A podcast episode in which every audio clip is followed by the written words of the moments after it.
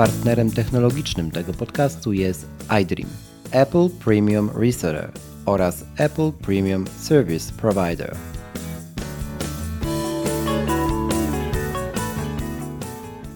To 70 odcinek. Bo czemu nie?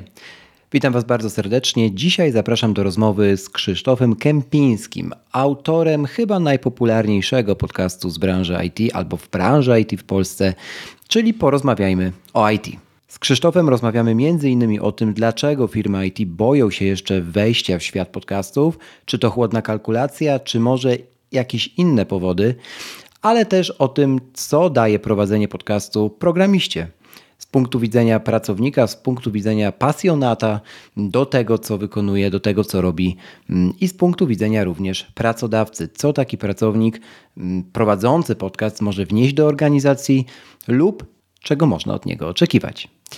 Zapraszam Was bardzo serdecznie do wysłuchania tej rozmowy. Myślę, że to kawał, kawał historii, którą dzieli się też Krzysiek, e, mający doświadczenie w tej branży, podobnie jak ja, i też osoba tworząca podcast dla tego właśnie grona e, odbiorców. Zanim jednak zaczniemy, gorąca prośba: ocencie, zostawcie feedback swój w Apple Podcast, jeżeli możecie. Dla mnie to bardzo ważne, bo pomaga docierać do większej ilości odbiorców. Przypominam również, że działa Patronite. Jeżeli chcecie mnie wesprzeć, wesprzeć ten podcast, możecie to zrobić pod adresem wspieram.boczemunie.pl I zapraszam na 170 odcinek. Wybrałeś podcast, bo czemu nie?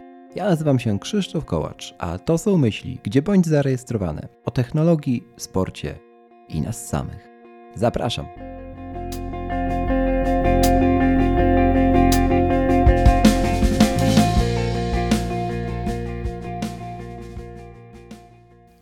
Krzysztof Kępiński. Witam Ciebie bardzo, bardzo serdecznie i cały podcast Porozmawiajmy o IT jednoosobowym składzie, tak jak zresztą mój. Cześć Krzyśku. Cześć, cześć Krzysztof, witam imiennika, witam, witam, wszystkich słuchaczy, dziękuję bardzo za zaproszenie. Krzychu, tak będę się pozwolić do ciebie zwracał, bo nie będę się tytułować i numerować 1 i 2, e, bo to tak, aż tak informatyczny to podcast nie będzie, żebyśmy zero-jedynkowo to rozmawiali. właśnie 0-1, bo to wiesz, dyskusja, nie? Od, od której cyfry się rozpoczyna, ale tak. Dokładnie. E, liczby pi też nie zamierzamy rozwijać, więc e, spokojnie. No, będzie, będzie trochę o podcastach, dzisiaj będzie o, o naszej branży, o właściwie to o mojej, trochę robię teraz duży, duży cudzysłów ex-branży, o twojej obecnej, czyli o IT. Mhm. Pogadamy również o, o mobilu, bo o to też chcę, chcę ciebie dzisiaj zapytać i o mm, człowieku, bo to wszystko się do niego sprowadza, dlatego też słuchacie nas, a nie botów, jak to w pewnym żarcie, który na niebezpieczniku, kiedy to nagrywamy w sierpniu e, tego roku, e, wypłynął e, a propos rozmowy z konsultantem, który na koniec tak. nie okazał się botem, ale to zalinkuję wam do tweeta w opisie tego, tego odcinka. Na początek standardowo, bo musimy tak zacząć, bo to nie, tak, nie jest tak, że każdy ciebie tak jak i mnie kojarzy w sieci Na i szczęście. może to i lepiej, dokładnie. E, kim jesteś i czym się zajmujesz? Proszę nam tu zrobić piękne introduction. Widzę, że wybrałeś najtrudniejsze pytanie na początku, e, ale postaram się jakoś na to odpowiedzieć. Wiesz, e, kim jestem? Jestem sobą, staram się być sobą, Krzysztofem Kępińskim. Dobrze się zaczyna. Po prostu, tak. Ale odpowiadając na takie pytania, zawsze najłatwiej jest pewnie ująć siebie w jakieś role, które się sprawuje Mhm. I w moim, w moim przypadku to będzie ojciec, to będzie mąż, to będzie programista i to będzie podcaster. I to są takie główne moje działalności życiowe na ten moment. Zawsze lubię mówić, że na ten moment, bo tak naprawdę nigdy nie wiadomo, czy to się w pewnym momencie e, nie zmieni. Natomiast te, te rzeczy na ten moment, myślę, mnie definiują. I zacząłeś od e, bycia ojcem, e, więc też szacuneczek za to, bo wielu zaczyna Dziękuję. od roli w korporacji, co, na co mam turbo alergię, a w sumie znam dwie osoby, które przynajmniej aktualnie z mojego kręgu, które tak nie zaczynają co jest przykre, ale każdy to jakby decyduje za siebie. No oczywiście. Mm, Krzychu, mm, powiedziałeś, że tak, bo wszystko się zmienia, dlatego trzeba być gotowym na, na tę zmianę, to może zaczniemy też i od niej, bo podcasty w tamtym roku wybuchły, a no podobnie jak pandemia. Mhm. Chociaż jest to już trochę zdanie wytrych, ale nadal prawdziwe, stety, niestety. Ja myślę, że bardziej stety dla wielu branż, na pewno dla, dla, dla branży IT, e, chociażby ze względu na pracę zdalną, która trochę schodzi z kręgów mitologicznych do, mhm. do, do, do, do codzienności, o czym jeszcze dzisiaj pogadamy. Ale sięgniemy jeszcze wstecz, bo to wszystko e, się zadziało, czyli podcasty wybuchły, ludzie zaczęli trochę bardziej dbać o marki osobiste, kiedy właśnie no, musieli walczyć trochę inaczej na, na rynku pracy. To kiedy się zaczęła ta Twoja przygoda z podcastami? Kiedy ten arsenał swój bycia podcasterem, bycia osobą, która generalnie lubi mówić, e, zacząłeś budować? Wiesz, relatywnie niedawno, gdyby tak na to mm. spojrzeć, mm. bo w roku 2017, tak. W no to, tym, tak, rzeczywiście. Mm. Tak, w tym roku będzie 4 lata prowadzenia mojego podcastu Porozmawiajmy mm -hmm. IT. Zaczęło się to wszystko e, całkiem malowniczo, można powiedzieć, bo e, w tym roku w 2017 zdecydowaliśmy z żoną, że e, pojedziemy na Maltę i tak trochę na dłużej, na przynajmniej e, pół roku. Złożyło się na to e, fakt, że akurat żona była na urlopie wychowawczym, ja i tak pracuję zdalnie, mhm. więc dla mnie ta lokalizacja jest powiedzmy zupełnie wtórna. Mm, no i stwierdziliśmy, że to jest dobry moment, żeby właśnie taką przygodę trochę życiową sobie zafundować. Jak powiedzieliśmy, tak zrobiliśmy. I wiesz, zapewne miałeś też coś takiego wiele razy, że w momencie, kiedy wyjeżdżasz na trochę trochę dłużej, to tak z dystansu jesteś w stanie na to swoje życie e, spojrzeć i, i zauważyć, że to, co się wydaje tak, takie oczywiste i takie e, nadane i takie zastane na co dzień, w ogóle takie nie musi być. Jeśli masz możliwość porównania tego z inną kulturą, z innym sposobem bycia, no to zauważasz tą, tą różnicę. I też tak było w moim przypadku. Mm, zacząłem się zastanawiać, czy ten moment życia, w którym jestem, to jest faktycznie to, co chcę robić, e, gdzie mhm. widzę siebie za parę lat, o ile to jest też faktycznie e, rekrutacyjny frazes, o tyle, o tyle no, w pewnym momencie zaczynasz sobie takie pytania sam nawet e, sobie e, stawiać. No i stwierdziłem, że mm, pod pewnymi względami jestem życiowo spełniony, ale brakuje mi trochę takiego wyjścia do ludzi, że to zamykanie się w kręgach technologicznych IT jest fajne, ale może już chciałbym coś innego spróbować. No i przyszła jakaś tam chęć dzielenia się trochę tymi doświadczeniami. E, więc wiesz, standardowo jak na programistę e, przystało, wybrałem bloga, no bo tak to się wydało, wydawało mhm. najbardziej -hmm. oczywiste, to się wydawało najbardziej e, dostępne. Zacząłem trochę blogować, ale ten kanał, ten, ten sposób komunikacji wydał mi się trochę anonimowy. Wydała, wydawała mi się taka bariera, barierą po prostu w komunikacji z, z, z odbiorcami e, i wiesz, nie twierdzę, że blogi nie są ok, one są bardzo dobre w, w ID, w momencie, kiedy chcesz przekazać kwestie techniczne, kwestie, nie wiem, związane z kodem, czymkolwiek takim, to jest idealny, idealny kanał. E, natomiast ja chciałem trochę mówić o, o może bardziej o doświadczeniach, e, o tym e, takich, no, bardziej miękkich tematach po prostu, może, może, może w ten sposób. I do tego ten blog był taki, no taki sobie w moim przypadku. Więc wiesz, idąc gdyby skrajnie w, inny, w, inny, w inne miejsce, zauważyłem, że takie osoby jak Mirek Burnejko, Maciej Ganiserowicz i tak dalej, po prostu działają poprzez budowanie vloga, że to, to, że to fajnie się sprawdza. E, no w moim przypadku też okazało się, że to tak, tak sobie. Mm, nie miałem wówczas mm, w ogóle skilla w tym, w tym mhm. temacie, co oczywiście też na pewno się przełożyło na to, że efekt był e, no przynajmniej mnie niesatysfakcjonujący. Mhm. W tym czasie, wiesz, mm, podcasty oczywiście słuchałem, podcastów oczywiście słuchałem. Malta to jest bardzo fajne miejsce do biegania, praktycznie codziennie, wiesz, tak, e, serwowałem sobie kilka kilometrów właśnie takiego porannego rozruchu. No oczywiście podcasty były ze mną. Oczywiście w 2017 ta scena podcastowa w Polsce była bez porównania mniejsza niż, niż jest teraz. Słuchało się kilku podcastów jedynych właściwie, które, które, które wówczas mm -hmm. istniały, takich klasyków już można, e, można powiedzieć. One też mi, też mi towarzyszyły. No i w momencie, kiedy tak trochę rozczarowałem się tymi blogami i, i tym YouTube'em, e, to, to oświeciło mnie, że przecież są podcasty, że to jest takie fajne, e, fajne miejsce, fa, fajne, fajny sposób e, opowiadania, taki bardzo intymny, nie? Że, że po prostu miałem, miałem wrażenie po przesłuchaniu iluś tam odcinków danego podcastera, że, no, że praktycznie znam tą osobę od dawna.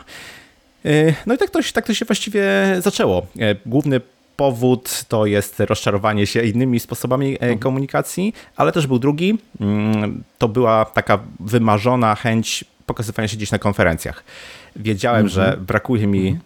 tego skilla bardzo w tym, w, tym, w tym temacie, a słyszałem tu i tam, że no, ludzie wymieniali dwa takie sposoby, jak, ten, e, jak tą umiejętność e, komunikowania takiego płynnego nabyć. Nie? To są, to są spotkania Toastmastersów, z którymi zresztą tak też masz, tak, z którymi masz, mhm. masz, masz doświadczenia. No i też właśnie podcast, nie? jako taką faktycznie formę, e, formę kształtowania sobie tego, tego, tego, tego warsztatu i wiesz, jak teraz sobie porównuję pierwsze 10 odcinków w stosunku do tego, co jest teraz, to widać tą, tą różnicę, to jest, to, jest, to jest faktycznie przepaść.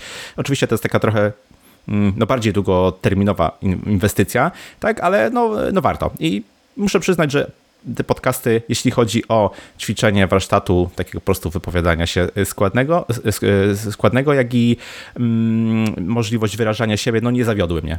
Także dlatego się ich trzymam już od ponad 4 lat. Wspomniałeś o kilku wątkach, które gdzieś tam zarezonowały w, pod moją kopułką zwaną mózgiem albo czaszką. Otóż Malta, potwierdzam, tam się zaręczyłem i rzeczywiście jest to wymarzone, wymarzona wyspa do, do takiego rekreacyjnego, półzawodowego biegania, bo przede wszystkim jest tam infrastruktura chodnikowa, mhm. co nie jest takie oczywiste na przykład w Grecji i na Malcie trudno jest stracić raczej biegając mm -hmm. wyspą życie, w Grecji niekoniecznie trudno, więc, więc to pierwsza rzecz. Druga rzecz, ta, ta, o tych klasykach i, i nauce tego przemawiania, rzeczywiście tak jest i mało tego Toastmasterzy, mm, czy w ogóle ta jako organizacja, kiedy weszli już w Pathways, teraz nowy program edukacyjny, oni e, jako jeden z jego segmentów włączyli w tym momencie robienie podcastu, nie? więc to też tak hmm. pokazuje, że oni również to zauważyli.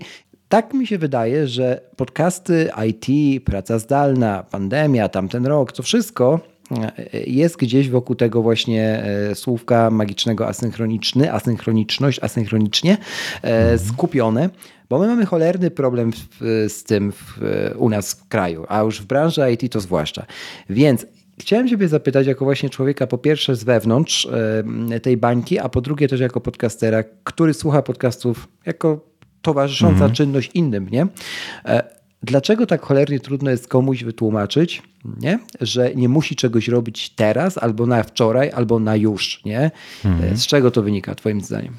Tak, no na pewno ważny jest tutaj aspekt historyczny, w sensie hmm. mamy chyba parę set lat przyzwyczajenia jako społeczność do właśnie takiego sposobu e, działania, takiego bardzo hierarchicznego, kiedy nad nami zawsze jest ta kolejna hmm. hierarchia osób, które nadzorują, które obserwują, które badają i sprawdzają to, co my e, po prostu robimy. Nie? I żeby gdyby umożliwić taki sposób właśnie kontroli, no to to się wszystko musi dziać w sposób e, synchroniczny, w jakichś określonych murach, w jakimś określonym mm, miejscu czasu i e, przestrzeni. Więc to jest taka naleciałość niestety historyczna. Wiadomo, że możliwości technologiczne, możliwości e, pracy, możliwości tego, w jaki sposób kontrybuujesz na przykład do projektu się totalnie e, zmieniły mhm. i ten sposób organizacji pracy za tym e, zupełnie nie nadąża. Więc to jest jak gdyby jedna rzecz. A druga to jest coś, o czym mówi się, że jest walutą, bo tak faktycznie jest, mianowicie zaufanie. Niestety tutaj w Polsce, zwłaszcza mam wrażenie, mamy z tym problem, żeby tak po prostu z definicji by default komuś e, zaufać, nie? Że, że, że e, uwierzyć w tak, po prostu w tego e, człowieka, uwierzyć, że on tak w większości przypadków to chce dobrze, tak, tak, tak de facto, że mało jest przypadków, kiedy ktoś od, na samym początku, już tak wychodząc z takiego pierwotnego założenia, chce nam coś zrobić źle. No, a ponieważ tego zaufania brakuje, no to oczywiście nie dajemy komuś takiego kredytu, że, mm, że on to dowiezie, że on to mhm. zrobi i zrobi to jeszcze najlepiej jak potrafi. No, to się niestety przekłada na to, że chcemy mieć kontrolę nad tym, co ten człowiek i kiedy wykonuje. I wiesz, ja dużo pracuję dla firm e, głównie niemieckich, startupów e, niemieckich e, i tam też to widać. Nie? W sensie ten taki sposób zarządzania z projektem, zespołem, nawet w, teoretycznie w tak postępowym kraju w stosunku do Polski, jakim są no tak. Mhm. Niemcy, mhm. prawda? Tam, tam, ciągle też to jeszcze pokutuje. Tam nadal jest wielki problem z pracą zdalną. Wiesz, ja nawet zrobiłbym założenie, że, że jeszcze większy niż, niż u nas, nie? Że, że tam też brakuje tego e, zaufania i że mm, ten średni szczebel zarządzania lepiej się czuje w momencie, kiedy ma faktycznie tak, wiesz, kontrolę nad wszystkim. Tak, nie? zgadza się. Ja też miałem okazję akurat z tego typu firmami z IT współpracować właśnie z tego kraju i rzeczywiście jest tak, że ta kontrola też bardzo jest uprocesowiona, albo sama wprowadza procesy tam, gdzie, mhm. gdzie się tylko da, nie? w sensie wszelkiego rodzaju potwierdzenia, potwierdzenia potwierdzeń, tak. e, wszystko na mailu albo, albo w komentarzach, w setkach dokumentów, których każdy się już gubi, ale ważne, że te dokumenty powstały, to to jest coś, co jest faktycznie charakterystyczne dla tamtego rynku. To się zgadzam i tak samo spotkania. Często przegadać lepiej coś przy obiedzie e, niż na przykład, e, niż na przykład zdalnie. Nie? Mhm. To, to, to faktycznie charakterystyczne. E, natomiast powiedziałeś jeszcze jedną taką ważną rzecz, że z tym zaufaniem to, to oczywiście też można by powiedzieć, że słowo, jakby frazes i tak dalej, bo to, bo to od Szafrańskiego czy, czy, czy tu książki. Mhm. I jasne, można tak gadać, ale jak się tak na chłodno zastanowimy, to ile jest takich sytuacji, że mm, jeszcze jak zobaczymy sobie drugą stronę tego, nie? że e, co nazywamy zaufaniem, że jeżeli już coś nie gra albo już faktycznie ktoś nie dowozi, okay, to zamiast mhm. gościa zapytać, dlaczegoż to, albo być może coś się w jego życiu dzieje, nie?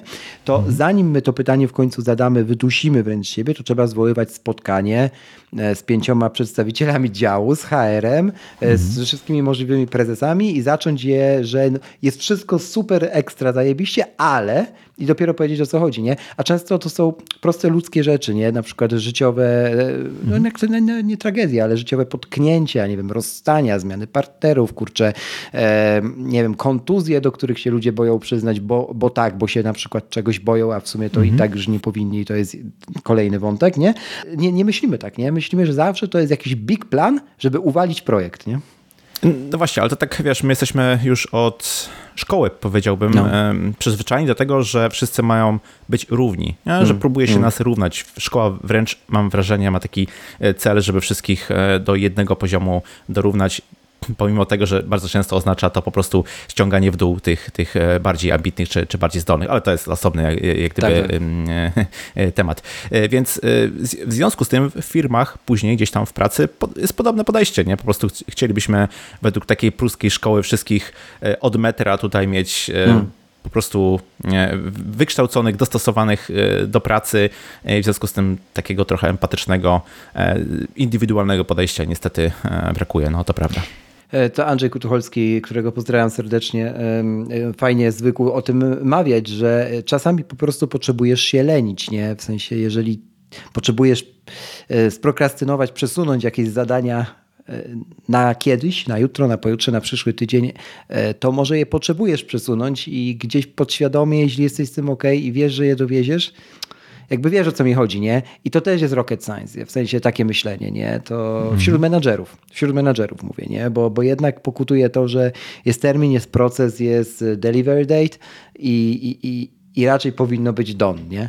Tak, wiesz, dlatego ja patrzę naprawdę mm, z dużą dozą e, takiej nadziei na różnego typu inicjatywy, które niestety na razie jeszcze tylko za, ocean, za oceanem e, się, się dzieją. E, mianowicie jakieś próby na przykład zmiany tego, wiesz, 9 do 17, mhm. 5 dni w tygodniu, nie? Że kiedy mhm. się próbuje to robić eksperymenty, nawet wielkie korporacje typu Microsoft podejmują się takich eksperymentów typu na przykład czterodniowy tydzień pracy, czy na przykład w krajach tutaj skandynawskich skandynawskich na przykład podejście takie sześciogodzinnego e, dnia e, pracy i na części okazuje się, że produktywność w ogóle nie spada, a szczęście pracowników rośnie. E, więc no, to, to są jakieś tam jaskółki tego, że, że, że, że faktycznie ludzie zaczynają zauważać, że mm, być może takie przekonania, taki ten default, który wynosimy, no, no, może on nie jest już adekwatny do czasów, w których żyjemy. No, miejmy nadzieję i trzymajmy kciuki, żeby ten e, postęp i ta zmiana faktycznie następowała. I e, na pewno widzimy ją w, w, IT, jeśli chodzi o takie podejście i otwarcie na soft skille, czyli na te kompetencje mhm. miękkie, zwłaszcza komunikacyjne. I podcasty rzeczywiście temu mm, zdają się pomagać i zdaje się być również na nie trend e, w ostatnich kilku latach. Powiedz mi, to jest moda, konieczność, e, naprawdę pasja wielu ludzi, że, że idą za właśnie wspomnianym Maćkiem Aniserowiczem, za tobą, czy za podcasterami, programistami za oceanu. Mhm. Chęć, nie wiem, fejmu, zyskania tej marki osobistej, Mhm. Ja myślę, że to jest do, do, dobre pytanie i pewnie gdyby tak spojrzeć, to po trochu z każdego, z, każdego. Mhm. Z, z, tych, z, tych czynników. Nie? Moda na pewno e, po części, no bo faktycznie widać, że to nawet nie jest jakoś tam moje, moja, moja ocena, bo to widać po, po podanych z różnych e, badań. No że i, ilość... i, I wyszedł z siebie tak? programista, tak? no. Tak, tak. No dobra, ale da, no dawaj te dane. Niestety, no. niestety, nie ukryjesz wiesz, tego pra prawdziwego swojego ego, nie? No, no e, to, to na razie może nie będę mówił o danych, natomiast o jakimś trendzie. No trend jest faktycznie e, wzrostowy i widać, że coraz więcej ludzi słucha podcastów, a w Polsce w ostatnich dwóch latach, no to zdecydowanie, e, zdecydowanie jest, jest, jest, jest ten boom. E, myślę, że o tym dzisiaj sobie jeszcze będziemy rozmawiać. Więc jakaś tam moda jest. Widzę też współpracując z różnymi firmami, że taka konieczność wręcz też jest, nie? Bo na przykład, wiesz, konkurenci to robią, nie? E, oczywiście, często w tym nie ma do końca takiego przemyślenia właściwie, co chcielibyśmy to, tym zrobić.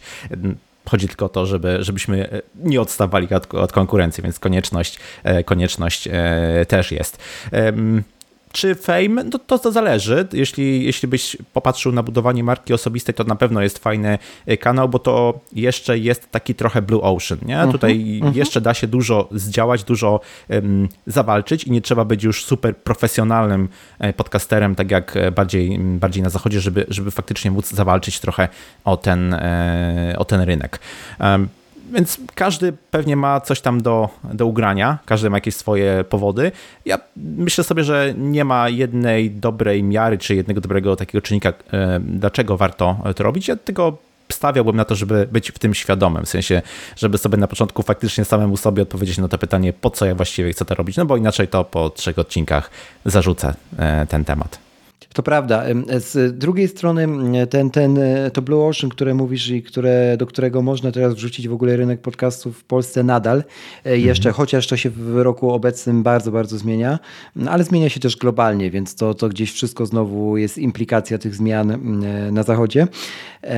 To jest jeszcze przestrzeń, w której to my, nie, jako, jako twórcy możemy wyznaczać też pewne standardy albo jakieś wiesz, próbować coś uprocesować właśnie albo, albo wyznaczyć trend, który kiedyś będzie standardem, nie? Mhm. Bo to wszystko jest jeszcze na tyle młode i do tego jeszcze dzisiaj wrócimy przy okazji współ, współprac, bo wiem, że też masz zakładkę współpracę na, na swojej stronie, tak jak ja i w ogóle stronę masz, co też nie jest takie oczywiste w przypadku podcastów w Polsce, żeby mieć landing, e, ale do tego jeszcze za chwilę przejdziemy. Wracając jeszcze do, e, teraz na, na, na razie do IT, a właściwie w nim zostając, to e, czy prowadzenie własnego podcastu w ogóle w IT, nie? E, tak z punktu widzenia dewelopera teraz, to dam ci się rozwinąć, e, jest takim, mm, wiesz, taką gwiazdką w CV, która e, sprawia i przykuwa tym takim, wiesz, wyznacznikiem, że, że to nie przylatuje przez maszynkę e, cyfrową czy, czy ludzką e, set, set, setek CV, które ludzie wysyłają do korporacji i pozwala się, wiesz, zatrzymać na, na, na tym delikwencie, że o, on robi coś więcej, jemu się chce,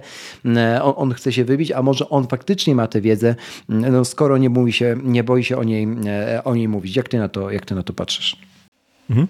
E, myślę, że są różne benefity, które możesz gdyby do, mhm. Doświadczyć, powiedzmy, tworząc właśnie podcasty w IT i podzieliłbym tutaj, czy wyróżniłbym takie dwie kategorie. To są firmy, które mm, na przykład mogą tutaj stawiać mocno na rozwój employer brandingu w kierunku właśnie rekrutacji, mhm. bo wiesz, nawet, nie wiem, tworząc filmik na przykład pokazujący, jak tam praca e, w tej firmie wygląda, czy też e, opis, próbując opisać to na strasznie długim ogłoszeniu o pracy, nie oddasz tego, jak, jaki faktycznie jest vibe tak zwany, tak? Jak, jak faktycznie e, się w tej firmie pracuje. Natomiast odsłuchując kilku podcastów tej firmy, gdzie rozmawiają pracownicy, to mhm. nawet między wierszami gdzieś tam mhm. będziesz w stanie e, wyłapać, czy to jest miejsce dla ciebie, e, czy nie. I firmy to zauważają i faktycznie to jest e, dobry, dobry motyw do tego, żeby mm, taki podcast firmowy mm, robić. To jest oczywiście też zdobywanie klientów. No, jak, jakby nie było, jest, jest całkiem sporo już takich polskich podcastów, które powstają po to, żeby właśnie pokazywać na przykład tą ekspertyzę i dzięki temu pozycjonować się w określony sposób na rynku i ściągać E, klientów. W takich, mm, takich branżach czy w takich dziedzinach, gdzie powiedziałbym nie ma jeszcze mm, wyedukowanego rynku, to też jest bardzo fajny sposób, żeby e, pokazywać, że na przykład tak, e, dany obszar, weźmy na przykład blockchain, wiąże się z takimi, a in, nie innymi powiedzmy obostrzeniami mm -hmm, technicznymi, procesowymi, mm -hmm. nie wiem i tak dalej, i tak dalej. Czyli edukujemy rynek i w momencie, kiedy ktoś z, ze słuchaczy będzie miał taką potrzebę, no to my będziemy pierwszym najprawdopodobniej wyborem. Albo pierwszym wynikiem wyszukiwania jeszcze ciągle w Polsce, jeżeli się na to zdecydujemy, no tak. bo ja widzę mm, taki, e, taki trochę mm, ślepy zaułek w myśleniu, zwłaszcza software house'ów polskich, które e, mhm. no, e, są w lidze, w lidze światowej, nawet nie europejskiej, bo to już dawno no. gdzieś tam przebiliśmy i, i z tego możemy być jako, jako naród dumni akurat no, którzy, wiesz, robią różnego rodzaju aplikacje fintechowe. Nie powołują nowe fintechy, e, tak? Mhm. Robią aplikacje dla banków i to szeregu banków, dla telekomów. I właśnie podcasty to jest dalej rocket science, nie? Dla, dla tego typu firm, które miałyby się czym pochwalić, nie? Wiesz, które miałyby jakie, jakie story, jakie case study prze, przedstawić. Ja rozumiem, że wiesz, jakby NDA, jakby nie każdy klient jest taki wylewny. Jeden jest polski, drugi jest z zagranicy, etc., ale wydaje mi się, że paru takich na pewno by się zgodziło o tym opowiedzieć, tym bardziej, że nie muszą występować, nie muszą przylatywać, nie muszą pokazywać siebie na, na, na wideo, mm. a podcasty jednak, no wiesz, ludzie już kojarzą, to nie jest, nie wiem, mówienie, że robię radio internetowe w przypadku tego typu filmu i tego, i tego sektora, tylko, tylko tutaj raczej rozumienie będzie i wspomniany na przykład blockchain, nie? Mm, e, jak sobie tak myślę, że jakaś, jakiś software house, który stoi za wieloma na przykład e, aplikacjami bankowymi zrobiłby odcinek o blockchainie, nie? Z mm. przedstawicielem jakiegoś właśnie banku, nie? Czy fintechu, który może z tego blockchaina w ogóle nie korzystać, nie? Ale hmm. wiesz, ale jakby jest w stanie dać tą per, tę perspektywę, nie? Tego świata e, właśnie a na koniec dnia tego typu podcasty robią e, inwestorzy indywidualni z, ze stowarzyszeń z Polski lub, e, wiesz, nie wiem, z, fin z Finaxa, nie z, z tak. Czech. A, a, a, nie software house'y, które są jakby pierwszą linią wyboru, nie? E, bo nie, bo się boją, bo, bo, bo, bo to nie jest jeszcze taki, wiesz, taki oczywisty wybór też marketingów tych firm, i ja naprawdę cholernie próbuję zrozumieć, czemu i nie potrafię. Tak, wiesz co, zaraz się, zaraz się odniosę tutaj do, do, do tego pytania. Mm, skończyłbym może jeszcze te twoje wcześniejsze Proszę. dotyczące mm. może tego, co właściwie deweloperowi takiemu już powiedzmy szeregowemu, bo zacząłem od tych software house'ów czy w ogóle firm, e, co może dać podcast, nie? Wiesz, mm, teraz jest taka dziwna sytuacja, jeśli chodzi o rynek pracy w IT, który jest niesamowicie chłonny, ale chłonny mm. na ludzi doświadczonych, na ludzi, którzy mają już jakieś tam powiedzmy doświadczenia i, osiągnięcia i projekty mm, zrealizowane. Natomiast jest strasznie y, duża bariera wejścia, jeśli chodzi o tych początkujących, tych, tych, tych, tych juniorów. Y, to jest oczywiście problem wielowarstwowy i, i skomplikowany. Najczęściej mm, można go by było, czy też najbardziej można by go było przedstawić w ten sposób, że e, firmy nie chcą inwestować w juniorów, którzy za chwilę w, w domyśle e, 4 y, do 6 miesięcy mm, zmienią, zmienią pracodawcę i ta inwestycja się po prostu nie zwróci. Mhm. Y, natomiast ten rynek jak gdyby w tym momencie mm, nie wymusza na osobach doświadczonych y, robienie czegokolwiek więcej niż, niż praca zawodowa, niż po prostu spełnianie się w tym swoim poletku, powiedzmy, technologicznym. Dlatego podcast dla tych osób niekoniecznie będzie przymusem, niekoniecznie będzie taką, takim e, działaniem, które, które powiedzmy spowoduje, że one mm, nagle będą jakoś tam bardziej świeciły na rynku e, pracy, bo najczęściej one nie, nie posiadają, znaczy nie mają żadnych problemów w, w, w zmianie e, projektu. Natomiast Sytuacja ma się zupełnie inaczej, jeśli chodzi właśnie o te osoby początkujące na mm, powiedzmy takie no, normalne ogłoszenie o pracę dla, dla juniorów spływa już kilka, kilkanaście, a niekiedy kilkadziesiąt e, CV, co jeśli chodzi o rynek IT, no jest e, dawno niespotykaną, e, można powiedzieć, sytuacją. Najczęściej okazuje się, że te wszystkie CV są do siebie lustrzanie podobne, tak, mm. za wyjątkiem zdjęcia, ich imię, mm. nazwiska, tam prawie jest to samo. To są najczęściej te same szkoły projekt, programowania, to są e, te same jakieś bootcampy i tak dalej, i tak dalej. Nie ma żadnego czynnika wyróżniającego się. E, dlatego tam jakakolwiek działalność dodatkowa, która pokazuje, że tej osobie przede wszystkim zależy, tak, no powiedzmy sobie szczerze, w takim procesie rekrutacji dla juniora, no tam raczej nie ocenia się aż tak bardzo umiejętności, których jeszcze nie ma, natomiast bardziej ocenia się e, tak, zwaną, tak zwany cultural fit, czy też w ogóle taką chęć tej osoby do tego, żeby zgłębiać dopiero Takie w ramach chcenie. tej firmy. Takie chcenie, dokładnie. I tutaj pokazanie się jako osoba, która coś robi więcej, która faktycznie e, czuje jak, jakąś e, chęć chcenia, no to już jest dużo. Nie? I tutaj podcast jest, jest e, o tyle fajny, że można się szybciej wyróżnić. W sensie, będąc którymś tam blogiem, no nie jest tak, tak łatwo jeszcze. Nie? A, a będąc podcastem, no znacznie łatwiej to zrobić. Swoją drogą, nie znam żadnego polskiego e, podcastu e, IT prowadzonego tak zupełnie przez osoby początkujące. E, co właśnie, to jest może też dobra podpowiedź w ogóle dla, dla słuchaczy, że, że, to byłoby niesamowicie wyróżniającym się czynnikiem w, w CV. Tak sobie myślę, że gdyby ktoś zrobił rzeczywiście podcast, na którym, którym opowie o swojej drodze nauki programowania, a już jakby zrobił daily podcast, no to to by tak. było coś, naprawdę coś. No, I to, to, by się poniosło. Bo to by nie musiało o tym... być długie, by the way. Tak, tak, tak. I to tak jak mówiliśmy tutaj o tym Blue Ocean, to nie, by nie musiało być coś wybitnego, coś, co jest wielką e, produkcją. Natomiast sam fakt unikalności tego typu produkcji spowodowałby, że na pewno by e, no, niosłoby się to w internetach polskich e, z całą, z całą pewnością. To prawda, a to środowisko by pomogło też, bo to jest akurat wyróżnik też u nas, że podcasterzy sobie generalnie lubią pomagać, tak. bo jest ich po prostu na razie relatywnie mało, jak na skalę, jak na skalę światową. A czy z podcastów tak, tak. można się czegoś nauczyć? Trochę głupie pytanie, ale wiesz, mamy je w notatce, poza tym e, kolejne, które wpisałeś, to jest czego ty się nauczyłeś, no to się pochwal, bo, bo to rzeczywiście jest. Ja, ja lubię mówić o podcastach, że to jest najlepszy uniwersytet, na jakim e, jestem, bo jego się raczej nigdy nie kończy, chyba że sam zdecyduję tak e, mhm. i, i, i nacisnę pauzę. No bo tak, tak w to wierzę. Hmm? Tak faktycznie, faktycznie jest. Wiesz, naturalną taką drogą rozwoju podcastu, czy właściwie rozpoczęcia, jest mhm. wybieranie tematów, wątków, ludzi, których znasz.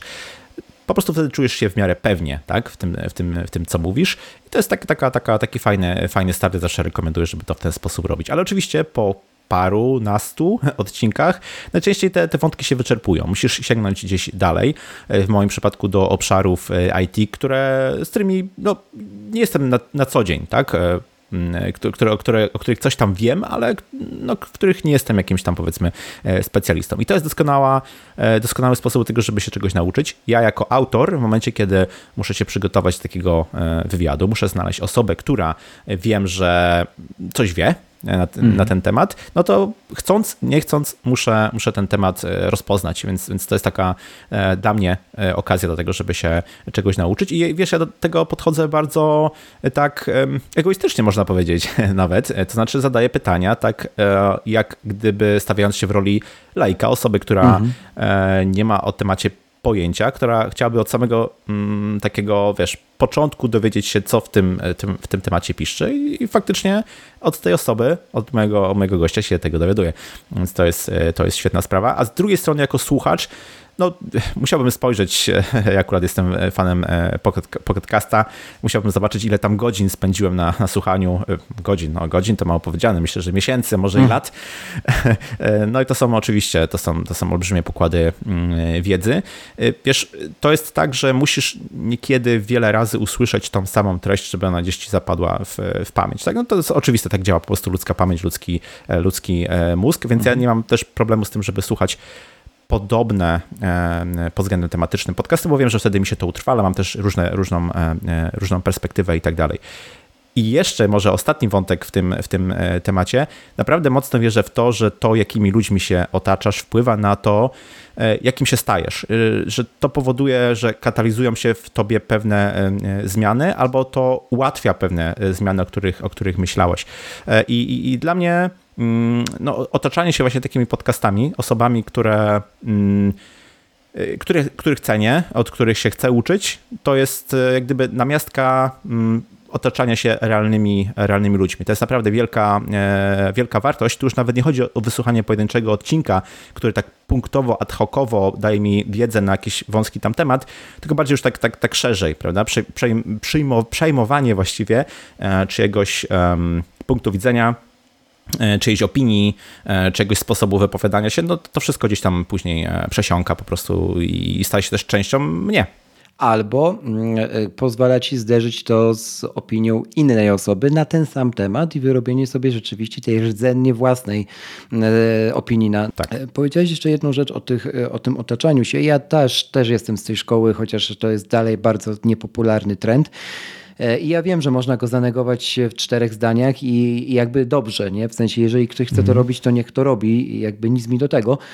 E, natomiast to, to się mocno tyczy pracy, nie? W sensie mm, też skakanie z kwiatka na kwiatek to jest y, niepożądana rzecz przez rekruterów. Z drugiej strony, tak sobie myślę, y, że kurczę, jeżeli wiesz, jeżeli masz na koniec zgnić na tym kwiatku, nie? I nic po tobie nie zostanie, bo, bo cię po prostu te, te, te kontakty, te osoby, to środowisko ściąga w dół, mhm. to trochę wiesz, no, ja jestem jednak orędownikiem eksplorowania, nie? jeżeli będziesz to musiał zrobić N razy, żeby w końcu znaleźć, y, to to, to zrób, nie? Po prostu, bo mhm.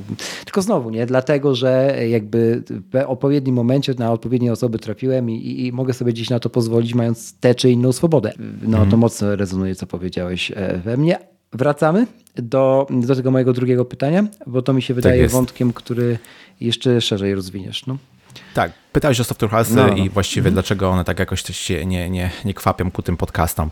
E, wiesz, to też nie jest tak, że zupełnie się nie kwapią, nie? bo mhm. są takie chwalebne przykłady e, Escola, dajmy na to jako e, software house, czy też Merrick Studio, Aseco, tworzą powiedzmy swoje treści. To nie jest tak, że tu jest zupełna też pustynia, ale gdyby patrząc na to, jaka jest gęstość software house'ów w Polsce jako typ e, działalności w stosunku do ilości podcastów, to faktycznie można taki wniosek wysnuć, że e, można by było więcej. Nie? Można by było e, więcej, nie tylko employer brandingowo, ale również chociażby właśnie jako budowanie pewnej, pewnej takiej marki w ogóle.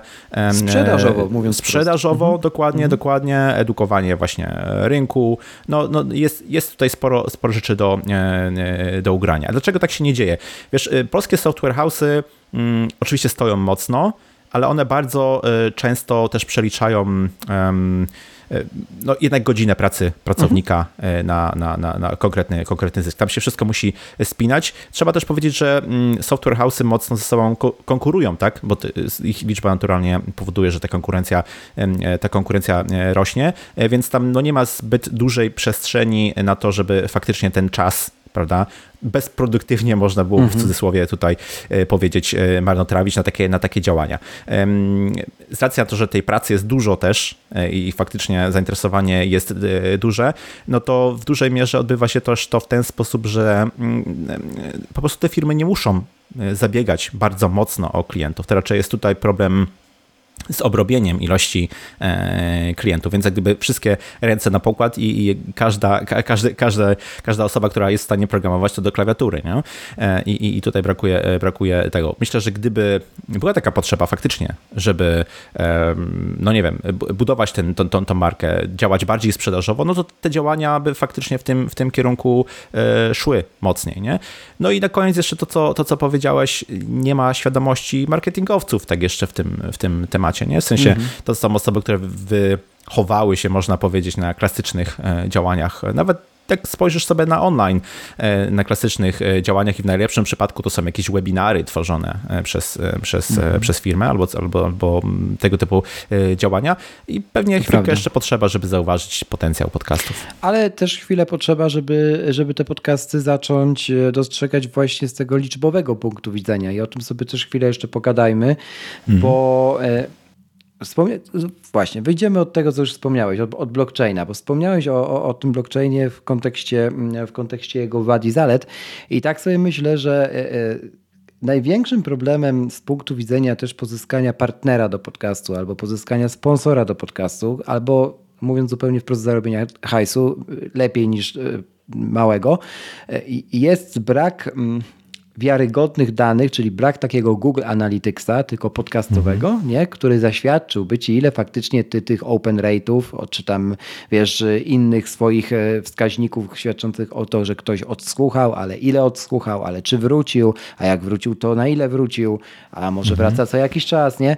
E, I, i, I, który by posiadał taki system stempel społeczności, wiesz, nie? Że, że w takim razie tak jest, nie? Bo wiesz, umówmy się, każdy sobie jakąś cyferkę na stronie może wpisać w kategorii, w sekcji współpraca i szczerze, mhm. gdybyś, gdybym był agencją e, reklamową, a z paroma już miałem okazję rozmawiać, to nie zweryfikujesz tych danych e, na zasadzie sekundowej, nie? W sensie, czy ten gość nie kłamie. No co, poprosić gościa, wyślij mi statystyki. No to wyślę ci statystyki z Blubry, z innego systemu i tak dalej, ale to, to ciągle będą PDFy. No nie? Tak. Jakby wiesz, nie? tu nie ma żadnego stempla, nie ma tego zaufania też, o którym ty mówisz, które by było poświadczone z drugiej strony właśnie tymi, którzy są koło ciebie, nie? Dla których ty tworzysz, no bo jak tworzysz dla nikogo, to, to w sumie wiesz, nie? To po co też mhm. tworzysz, nie? Tu mnie boli najbardziej, nie? Bo to jest cholernie trudny temat.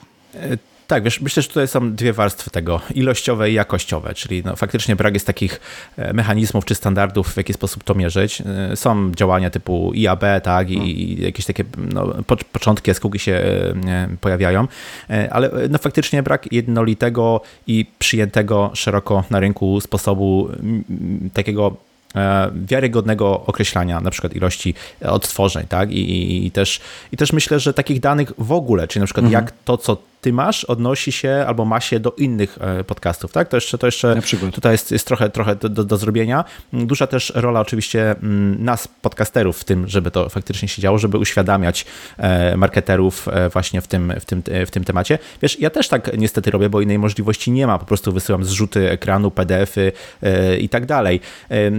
Najczęściej okazuje się, że to jest nie tylko zrzut z ekranu, powiedzmy, hostingu podcastowego, ale mhm. na przykład też ilości wejść na stronę, dajmy na to, które zostały wygenerowane, nie wiem, ilość reakcji pod postem i tak dalej, i tak dalej. E, no, w jakiś sposób e, trzeba tą warstwę danych sobie e, tutaj zasymulować, powiedzmy, po stronie marketerów, jeśli chodzi o odbiór. Ja też rozumiem, jak gdyby tą stronę, no oni muszą zaraportować skuteczność takiej tej kampanii. To jest, to jest oczywiste, to jest oczywiste. Nie? To, to jest jedna rzecz. Druga rzecz to jest, to jest taka warstwa e, jakościowa, prawda? No, e, niestety ten brak trochę świadomości po stronie e, agencji reklamowych, marketerów powoduje, że w ten sam sposób chcą mierzyć różne pod względem jakości kanały, powiedzmy, powiedzmy internetowe, prawda? No i tutaj podcasty są bardzo dobrym przykładem, jak bardzo się można z tym roz, rozminąć i rozjechać. No, tysiąc wejść na e, stronę w stosunku do e, tysiąca odtworzeń e, podcastu, to są zupełnie inne jakościowo rzeczy. Kiedy popatrzymy sobie na utrzymanie uwagi, na to, ile osób, jak, jak długo powiedzmy ta osoba spędza z nami czas i jak bardzo ufa powiedzmy podcasterowi i pod wpływem jego rekomendacji, namowy, jak, jak bardzo jest skłonna e, do, do, do, do nie wiem, zakupu, wykonania jakiejś e, akcji, no to bardzo trudno jest tylko stosując warstwę liczbową te rzeczy mhm. porównać. Znowu niestety tutaj nasza rola podcasterów, żeby uświadamia, uświadamiać, na co tak naprawdę należy zwrócić uwagę, dostając te dane. Ja zawsze taką legendę, jeśli tak to mogę powiedzieć, albo taki przypis wysyłając e, dane wysyłam, na co tutaj należy zwrócić e, uwagę, tak, jeśli mamy tam, bardzo wiem, dobry 6, protip. 60, 70, tak, 60-70% albo nawet jeszcze więcej e, utrzymania uwagi do końca, no to to jest coś, co zasługuje na, na, na, oklaski, tak mi się wydaje, prawda? Tak, zdecydowanie. A y, jasne, to będzie trudno zebrać te wszystkie dane, bo na przykład uwagę mierzy bar, bardzo dobrze, to za dużo powiedziane, ale przynajmniej mierzy e, Apple Podcast, nie? Inne mhm. rzeczy, Spotify mierzy co innego, na przykład fajnie targetują grupy, grupy odbiorców, nie? Po, po wieku, po zainteresowaniach i tak dalej, nie? Dosyć, dosyć miarodajny sposób. Z drugiej, tak. z trzeciej strony masz Google Analyticsa, który też wypluwa ci dane z landing page'a, znowu disclaimer, o ile masz landing page'a, to też mhm. warto landing page postawić, nie? E, I, i, i tak dalej. E, jasne, to kosztuje czasu na razie, ale warto to zrobić i warto faktycznie przygotować takie oferty trochę sprzedażowo-współpracowe, żeby pomagać tym agencjom, bo jeżeli my im nie pomożemy, to jest znowu to, co mówiłem wcześniej, w pierwszej części rozmowy naszej, e, że jeżeli my ich nie wyedukujemy, nie pokażemy, ej słuchajcie, możecie nam zaufać, bo chcemy, żeby to się stało prostsze, żeby na przykład nie, nie toczyć 70 raz rozmowy, dlaczego youtuber ma 38 e, milionów, ty masz 10 tysięcy i uważasz, że się wyceniasz e, w miarę podobnie, bo, bo tak, nie? E, I my tego nie rozumiemy, a ty jesteś z kosmosu, nie? Żeby tego nie toczyć i tak dalej e, kolejne razy, to, to, to, to jakby musimy przeskoczyć Rubikon trochę razem, nie? Mhm. I, I tak, no zgadzam się z tobą, że to, to też jest praca po naszej stronie i też ogromna nisza. W sensie nawet i ogromna nisza do zrobienia, tak sobie myślę, podcastu, nie? Gdzie, gdzie będzie podcast około marketingowo-technologiczny, o tych kulisach. Nie? Kurczę, gdzie, gdzie, gdzie siadł, siadł jakiś marketingowiec doświadczony, zakładam, e, i, i, i chciał o tym gadać. No, tak, to, to, to. Ale dzieje się już dobrze, bo powstają sieci podcastowe w Polsce, tak żeby nie było bardzo, bardzo sceptycznie. Powstała, powstał Voice House Jarka Kuźniara. powstają też inne, mniejsze lub większe i coś czuję, że najbliższe lata, zwłaszcza w branży technologicznej, trochę w mojej, w mojej bańce, przyniosą nam jakieś takie tego typu e, sieci e, mogące w ogóle mówić, że chcą zrobić trochę to, co zrobiło, nie wiem, na zachodzie Relay FM, e, co, co zrobił Viticzy, czy spółka, czy, czy inne sieci nagrywające podcasty. Już nie te, teraz już nie tylko o Apple, ale o różnej tematyce, ale to wszystko gdzieś tam zaczęło się z tej bańki. No bo im się udało. Nie? Wiesz, I widzisz, to znowu jest przeskoczenie mentalne reklam nie w podcastach. Mhm. Ja cały czas dostaję, wiesz, w Apple Podcast, że teraz jak, jak weszła mi współpraca z iDreamem, czy, czy parę innych współprac w poprzednim sezonie, Fibaro, jakby jeden software house tam był też i ten, e, to jakikolwiek przerywnik, nie, nieważne, czy to jest samplowy przerywnik przysłany przez, mm. przez stronę, z którą współpracuję, czy ja robię ten przerywnik, czy jak, jak, jak ja go szczerze i na żywo nie robię, to nie jest totalnie ważne, bo to cały czas jest przerywnik, nie? I, i wiesz, mm. i zawsze ktoś się znajdzie, kto powie, ja za reklamy e, to dziękuję, ale ogólnie to fajny podcast, nie? To, wiesz, to, to, jest, to jeszcze minie trochę i musimy się też z tym pogodzić. No. Tak, tak. Wiesz, ja tak um, widzę, że od 2000, początku 2020 zaczyna się faktycznie taka zmiana e, w sposobie podejścia e, mhm. agencji reklamowych, e, marketingowców ogólnie mówiąc do, do, do, do właśnie podcastów, ponieważ dostaję zapytania nie tylko już od tych agencji, które tutaj wymieniłeś, takich ściśle specjalizujących się właśnie w podcastach, ale też od takich klasycznych, standardowych, powiedziałbym, agencji e, reklamowych, które zaczynają włączać w swoje strategie mm, również podcast, więc to jest, e, to jest też e, fajna zmiana. I wiesz, kiedy pamiętam swój pierwszy odcinek, kiedy faktycznie była taka, taka wstawka, Myślę, że jak większość podcasterów mocno się gdzieś tam musiałem poboksować ze sobą w głowie, zanim się na to zdecydowałem. Byłem zaskoczony, po pierwsze ze strony e, słuchaczy, że właściwie w, niczym nikomu to nie, nie przeszkadza. E, I później, po jakimś czasie, trafiłem na to był chyba Tim Ferris Show, o ile się no, nie mylę. Tam jak się trafi, to... No, no. Nie, nie, chodzi mi bardziej o to, że trafiłem na, na, na dane, czy właściwie na, na, na, nie wiem, opinie, teraz już nie, nie, nie przywołam sobie te, tego, tego, tego artykułu, ale bazującego właśnie na Tim Ferris Show, gdzie robili ankietę, zdaje się, pyta, pytając słuchaczy, wiesz, Tim Ferris Show to jest 5 minut reklam, jeśli, jeśli jest krótko. I minuta treści, tak jest. Dokładnie, dokładnie, nie? I okazuje się, że po pierwsze, nikomu to nie przeszkadza. Po drugie, wiele z osób e, słuchających rozumie, że to jest konieczność, żeby ten podcast nadal mógł tworzyć wartościowe e, treści. A po trzecie, co ciekawe, jest znaczący procent słuchaczy, który, którzy. Um, chcą pójść za tą rekomendacją, tak? Którzy są przekonani do, do zakupu i ta konwersja jest faktycznie e, duża. Ale, ale wiesz, to... zwróć uwagę, gość jest milionerem i nikomu to tam w Stanach nie przeszkadza, nie? Że, że on by tak. już mógł sam finansować ten podcast. Jemu już naprawdę tak, te reklamy tak. są na nic, nie? Ale wiesz, ale jakby to jest to, co nikomu to nie przeszkadza. Wiesz, jak jedziesz autem w Polsce, żeby wrócić z powrotem na ziemię, e, nie przeszkadza ci e, ten jingle RMF-u, bo ty się z nim mhm. wychowałeś. On leci w tym samochodzie. Nie? To jakby i, on, i z nim jesteś ok, bo my się wychowaliśmy na radiu.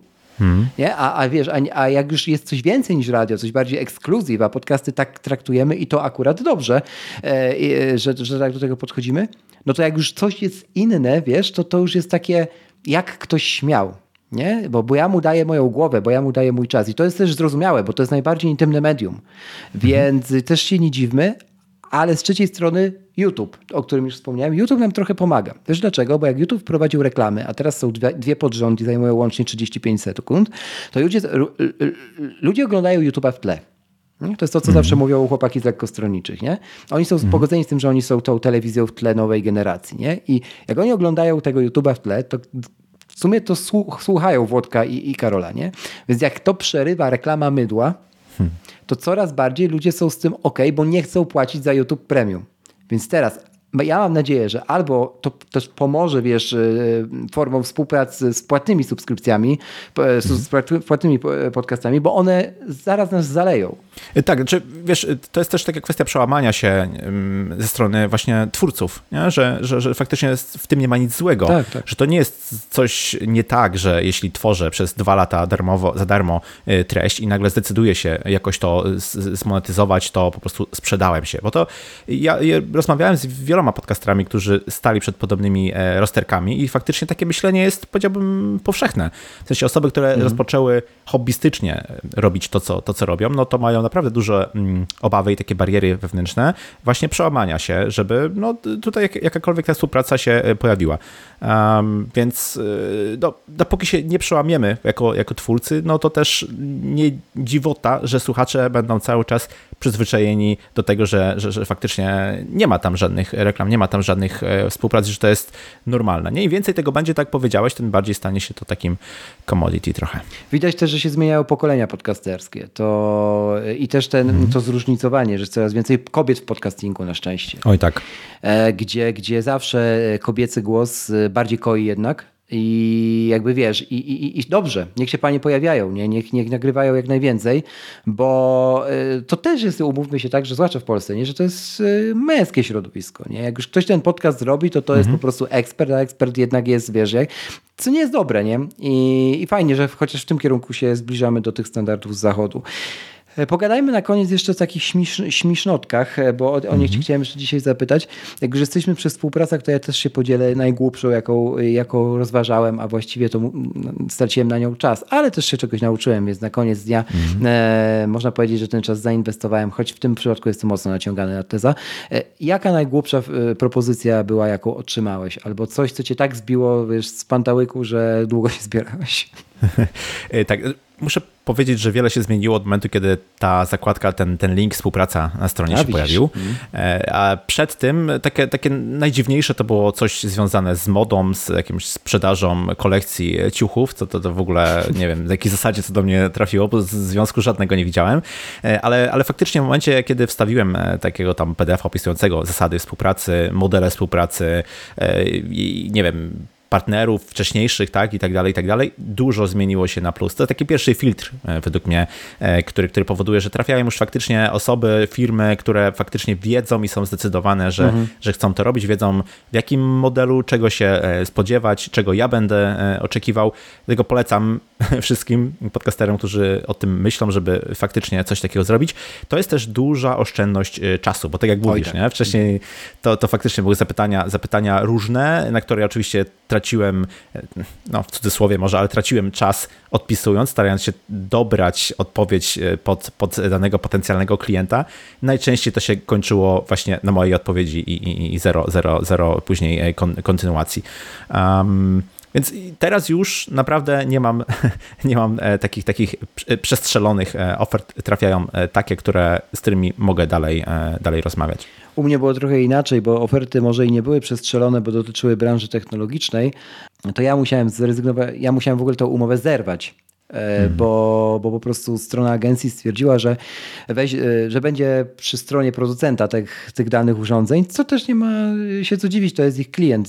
Też byś tak zrobił? Klient, tak. E, no tylko, że oni uparli się, że ten producent jest jedynym producentem tego typu sprzętu na świecie, a tych producentów jest kilkadziesiąt mm, i no, no tak. warunek był taki, że albo powiemy, że jest jedyny, literalnie, E, no albo nie ma współpracy. No to decyzja dosyć też prosta była, ale fajna szkoła, szkoła charakteru, żeby, żeby bronić swoich wartości. Nie? Czytać też wcześniej umowy, które podpisujemy e, i dbać o to, żebyśmy je mogli zerwać. Na przykład broniąc wartości swoich, nie? bo jest też masa tak. osób, które zobaczą pierwszą propozycję współpracy i choćby tam był, wiesz, e, z, no, zgromadzenie różowych słoni w pomieszczeniu, to się na to zgodzą, nie? E, bo, jest, bo jest współpraca. Nie? Zgodzę się, że jeśli to jest taka współpraca na przykład z agencją, to umowy są ważne. Mhm. Ja trochę zainwestowałem, to nie jest wielka inwestycja, ale mimo wszystko w stworzenie swojej, e, swojej umowy, wzoru mhm, umowy tak, tak. i proponuję, proponuję taką umowę. E, zdarzyło mi się kilka razy, że ona nie, jest, nie została przyjęta, tak, że, że to było ten, ale, ale mimo wszystko, chociażby zaznajomienie się z taką, e, wiesz, swoją umową daje ci perspektywę i pogląd na to, na co zwrócić, e, na co zwrócić uwagę. Ja też polecam, e, bo zawsze może to stanowić podwalinę do stworzenia tej idealnej między wami, ale zawsze to są twoje warunki, hmm. które ty, są twoim wkładem. Mm, a z drugiej strony wielu młodych twórców, zwłaszcza młodych, nie ma firm pozakładanych i jest możliwe stworzenie umowy nie prowadząc działalności gospodarczej, zrobienie mhm. podcastu hmm. na bardzo, bardzo fajnych warunkach, nawet jak na polskie prawodawstwo. Tylko znowu trzeba poświęcić na to czas, zainwestować. Też polecam, bo wiem o czym mówisz i też ten temat przerabiałem i rzeczywiście bardzo wiele to upraszcza. Dobrze, Krzyśku, co byś polecił, żeby podcasterowi początkującemu, nieważne na jakim etapie, co by mogło pomóc w uproszczeniu tego wszystkiego, e, czym się zajmuje. Procesu produkcyjnego, mhm. procesu zapraszania gości, żeby te robienie podcastów było takie jeszcze bardziej naturalne. Tak, wiesz co, to ja też się cofnę trochę w Dobra. czasie e, i, i, powiem, że w momencie, kiedy ja rozpoczynałem e, tworzenie swoich podcastów, mhm. to było bardzo nieregularne, bardzo bez planu i bardzo ad hocowe. Mhm. I, I, wiesz, e, okej, okay, taka spontaniczność e, czasem jest fajna, bo wychodzą z tego ciekawe e, rzeczy, ale tak na poważnie mam wrażenie, że historia mojego podcastu zaczęła się pół roku później, w momencie, mhm. kiedy podszedłem do tego bardzo procesowo, mhm. w sposób usystematyzowany, z określoną checklistą rzeczy do zrobienia w Nozbi. Nie? Od tego momentu datuję, że tak powiem, taki realny rozwój swojego, swojego podcastu. Więc mam często takie pytania, jak udaje mi się trzymać taką, wiesz, konsekwencję przez 4 lata prawie i tak dalej, i tak dalej, nie? Y, dla mnie, tak patrząc z wewnątrz, to nie jest nic wielkiego. To jest po prostu konkretnie zaplanowana lista rzeczy na dany konkretny dzień tygodnia, co ja muszę zrobić. To dla mnie stało się bardziej nawykiem i, i sposobem e, wypełniania e, czasu niż e, wchodzeniem, wiesz, na wielkie Kilimandżaro co, co tydzień. Więc polecałbym mimo wszystko stworzenie sobie takiej powtarzalnej listy zadań do danego odcinka na dany dzień tygodnia, żeby to był po prostu proces. A ja ze swojej strony, oprócz tego, bo mogę się pod tym samym podpisać, pod narzędziem też, jak będziesz go gościem nie ma biura, to pewnie się tam rozwiniesz na ten temat. E, przy okazji pozdrawiam chłopaków. E, natomiast od siebie mogę jeszcze dodać jedną rzecz, e, żeby mm, e, rozważyć sezonowość podcastów, które robimy. Ja, ja ostatnio w nią wszedłem, e, trochę za, e, wzorując się na Andrzeju Tucholskim i, i, i nie żałuję, bo danie sobie tego miesiąca, półtorej miesiąca przerwy między sezonami, po pierwsze wyczyszcza głowę, po drugie daje bufor na nagranie paru odcinków do przodu, a po trzecie Warto wtedy spojrzeć z lotu ptaka na pewne pudełko, które się jednak zamyka a, nie dokleja kolejnych ścianek w środku, nie? Bo wkrótce mhm. może miejsca braknąć. Także no, y, polecam generalnie. Jeżeli macie Pewnie. taką przestrzeń w waszej formule, w waszej formie, w waszym formacie na to, żeby wprowadzić sezony, warto się przynajmniej nad tym zastanowić e, i może spróbować. Tak, to ja jeszcze może dopowiem zupełnie ostatnią myśl, jeśli pozwolisz Pewnie. właśnie do tego, do, do, tego wątku też e, spojrzenia z lotu ptaka. E, myślę, że na początku warto swoje nagrania samemu edytować. Dla mnie to była świetna właśnie metoda na to, żeby nauczyć się, mm, jakie błędy popełniam w wypowiedziach i, i, uważam, że jeśli się ten etap e, pomija, zwłaszcza e, na początku, to się dużo traci. Warto to robić samemu. To prawda i teraz, e, teraz mogę powiedzieć już naprawdę na koniec, że kiedy się słyszy siedem razy w ciągu jednego zdania, że przytakujesz komuś tak jak ja cały czas z tym walczę, kiedy jeszcze nie wiesz na co przytakujesz, to naprawdę możecie trafić szlak, więc polecam. Dobrze Krzychu powiedział. Dobra. E, słuchaj Krzychu, dzięki za to, za, za, za to, że się zgodziłeś e, wystąpić u mnie i e, widzimy się za niedługo. Widzimy się w październiku. Mam nadzieję, no teraz już na pewno będę musiał we wrześniu puścić ten odcinek i dobrze. Do mnie zapraszam tak na stronę porozmawiajmy.it.pl, ewentualnie na LinkedIna. E, myślę, że, że, że to będą takie miejsca, gdzie możecie moją aktywność też obserwować. Bo czemu nie? Dzięki jeszcze Bo raz Krzychu i trzymaj się. Dzięki. Do następnego. Cześć. Cześć. To tyle na dziś. Bardzo dziękuję Ci, że poświęciłeś mi czas i mam nadzieję, że ten odcinek okazał się dla Ciebie wartościowy. Jeśli możesz, zostaw opinię w Apple Podcast, bo to pomaga mi docierać do większej liczby słuchaczy. Do usłyszenia. Bo czemu nie?